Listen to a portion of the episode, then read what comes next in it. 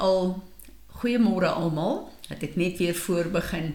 Ek dink ons almal het al wakker geword met 'n gevoel van, "Sjoe, waar is ek regtig vandag?" As jy die vorige aand gaan slaap het met 'n dag wat vol uitdagings was en goed wat jy moes hanteer, dan voel 'n mens amper dat jy met jou voete opnuut uh, in hierdie dag vind. En sodra ons dan in die Here se teenwoordigheid inkom en uh, begin om onsself net vir hom te gee, dan ervaar ons hoe hy uh, met sy woord kom en vir ons perspektief gee, hoe hy die nodige inligting na ons toe bring wat nodig is om ons te ontmoet op die plek waar ons is. Nou vandag is een van daardie dae gewees en ek het 'n bietjie vroeër geluister na een van die leiers en dit wat hy gesê het, het vir my soveel perspektief gebring en ek het net besef ek wil dit met julle deel. Baie keer dan kyk ons na ons lewe en dit wat ons doen, die hoogtepunte, die laagtepunte. Ons kom baie keer op daai plek van ehm uh, is dit wat ek doen in my lewe regtig effektief? Uh nie net in my huishouding, in my familie, in my uh beroep nie, maar ook in die koninkryk van God. Hoe effektief is ek regtig? En uh ver oggend terwyl ek luister na een van die leiers, besef ek dat uh baie van ons se lewe en die salwing wat die Here op ons lewe het, uh is om deel te vorm van 'n groter roeper roeping en 'n groter prentjie.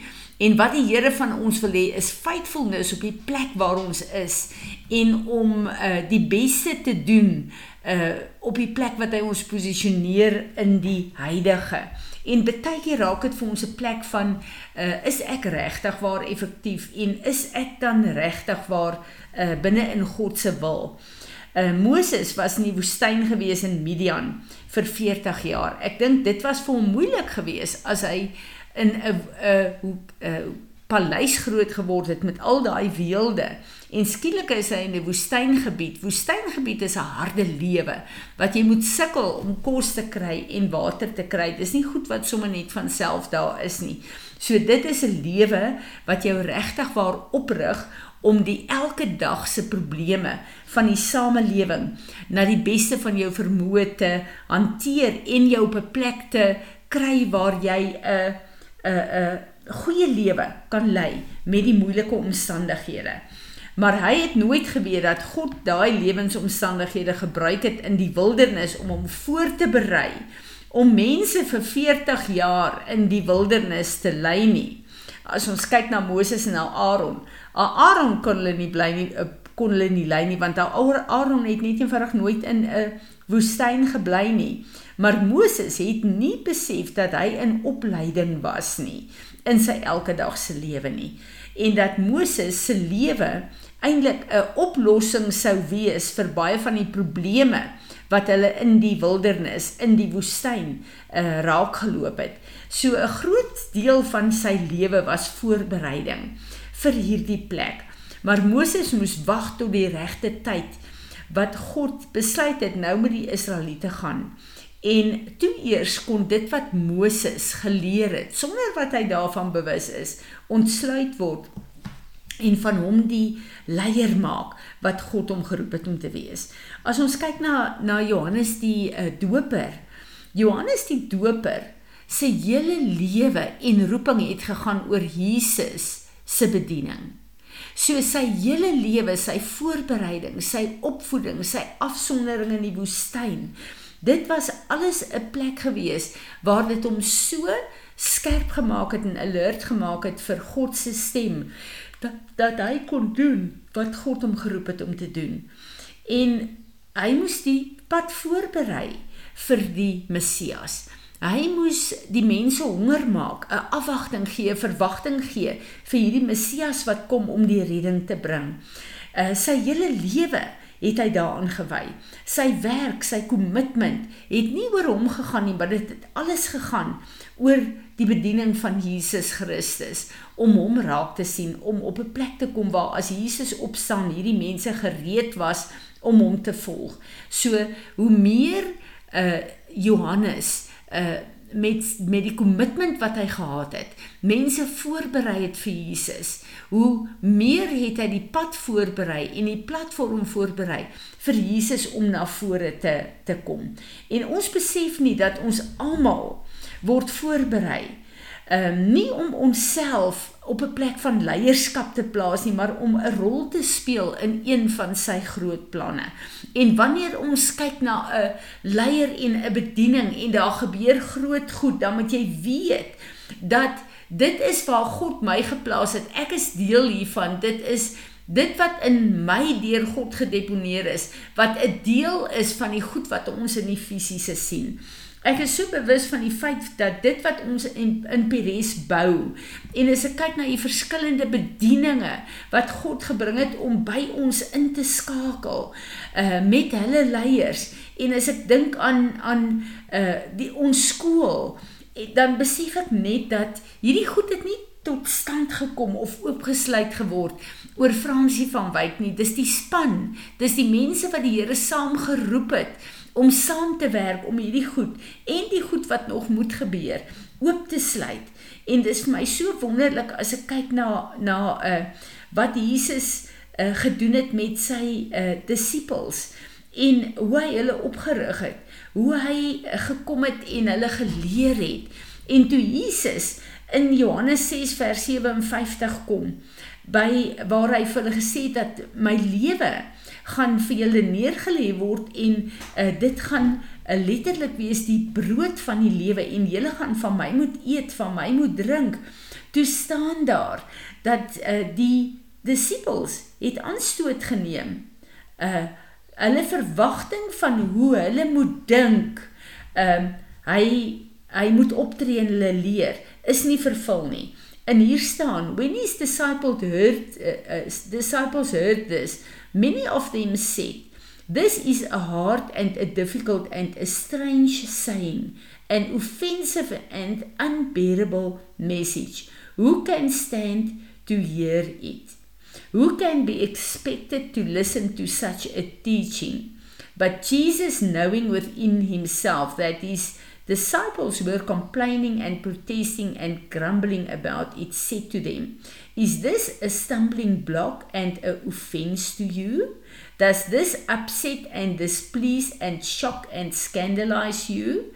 When uh, what then will be your reaction if you see the man of God ascending to the place where he was before? En Jesus het daar vir hulle gesê, hulle het op 'n plek gekom van opleiding en van lering, waar die lering en dit wat Jesus gesê het, nie vir hulle sosiaal aanvaarbaar wees nie, want die afgode het uh, vleis geëet en bloed gedrink uh, in hulle verbonde wat hulle gesluit het. En nou kom Jesus en hy sê sy liggaam gaan gebreek word, sy bloed gaan gegee word. En hierdie disippels wat hom geken het, wat deur hom geleer is, het op 'n plek gekom van nou pas goed my nie uh regtig nie. Dit ek voel dit nou aan, aan my lyf hierdie is vir my onaanvaarbaar. So ek weet nie of ek nog verder kan stap met hierdie ding nie. En uh dit is hierdie plekke waar ons kom waar goed volgens ons eie opinies en persepsies nie so lekker moet ons gaan as wat ons dit graag wil hê nie. En dis hierdie plekke waar ons dan moet besef ons moet ons eie opinies en persepsies neerlê. Ons moet deel met ons offense in ministry want daar is 'n groter prentjie en God wil ons verder laat gaan, maar hierdie kan 'n stumbling block wees. As ons kyk na Nasaret, uh die dishonor wat Nasaret omdat Jesus daar groot geword het en hulle hom geken het. Die dishonor van hierdie dorp omdat hulle nie kon onderskei dat Jesus die Messias is nie, het 'n hele dorp oorgeslaan van God se wonderwerkende krag.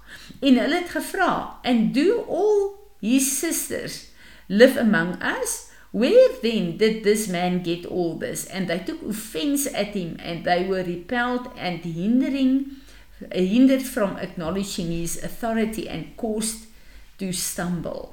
En dan gaan Jesus aan daar.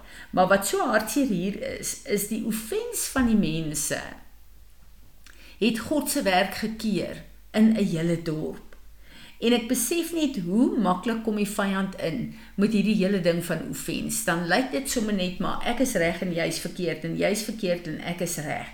Dit gaan nie daaroor nie, hier's 'n vyand wat 'n perfekte plan uit lê en strikke gee vir my en jou, nie net om in te trap nie, maar ook om te stamble daaroor.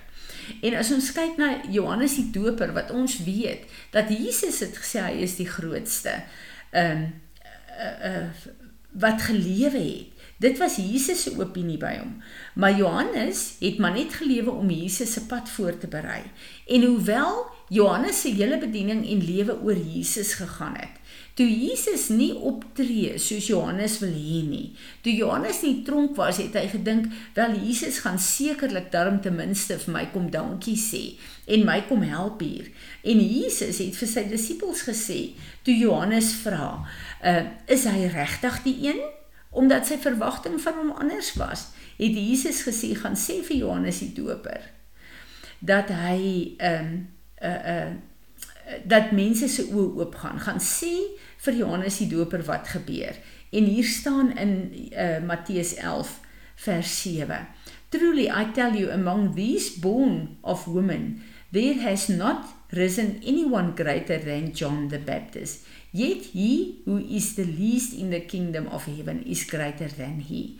And from the days of John the Baptist until the present time, the kingdom of heaven has endured violent assault, and violent men seize it by force. As a precious prize, a share in the heavenly kingdom is sought with an ardent zeal and ex- uh, intense exertion. For all the prophets and all the law prophesied. And if you are willing to receive and accept it, John himself is Elijah who has come. Maar Johannes het in die ehm um, tronk gesit en hy het 'n uh, 'n uh, 'n uh, offens geneem in Jesus omdat Jesus wat hy sy hele lewe voorgegee het, nie gedoen het wat hy sê nie. Johannes 11 vers ehm um, sê sê eh, kom Jesus en hy stuur sy disippels en sê gaan sê vir hom, gaan gee vir hom die boodskap. So hy gaan nie self nie. Hy gee stuur vir hom 'n boodskap. En uh hy eindig vers 6 en hy sê and blessed happy fortunate and to be envied is he who takes no offense at me and finds no cause for stumbling in or who, uh, through me and is not hindered from seeing the truth. Johannes se omstandighede het moeilik geraak en uh, toe het hy sy boldness verloor en hy het offens gevat want hierdie selfde Jesus wat hy gedien het sy hele lewe in sy roeping het nie opgetree soos wat hy wou gehad het. Ehm um, Jesus moet optree nie. En ons moet besef dat ehm uh, waarvoor werk ons? Wil ons graag erkenning en vergoeding hê? Gaan ons optrede om uh erkenning te kry of om verdedig te word op aarde of om reggestel te word op aarde. En as dit nie gebeur nie, dan neem ons offens in mekaar ook. Jesus uh, waarsku ons in Matteus 24 and then many will be offended and repelled and will be uh, begin to distrust and desert him who they ought to trust and obey and will stumble and fall away and betray one another and pursue one another with hatred. En ek besef julle hierdie is die plan van die vyand. Ons kan nie na mekaar kyk wanneer ons mekaar offend nie. Ons moet na die vyand kyk, ons moet daarmee deel en hy gooi stumbling blokke die van offense in ons pad. Ons moet besef dat ons kan 'n stumbling block of 'n bousteen wees. 1 Petrus 2 vers 5 sê: "Come and like living stones, be yourselves built into a spiritual house for a holy, dedicated, consecrated priesthood to offer, offer up those spiritual sacrifices that are acceptable and pleasing to God through Christ Jesus.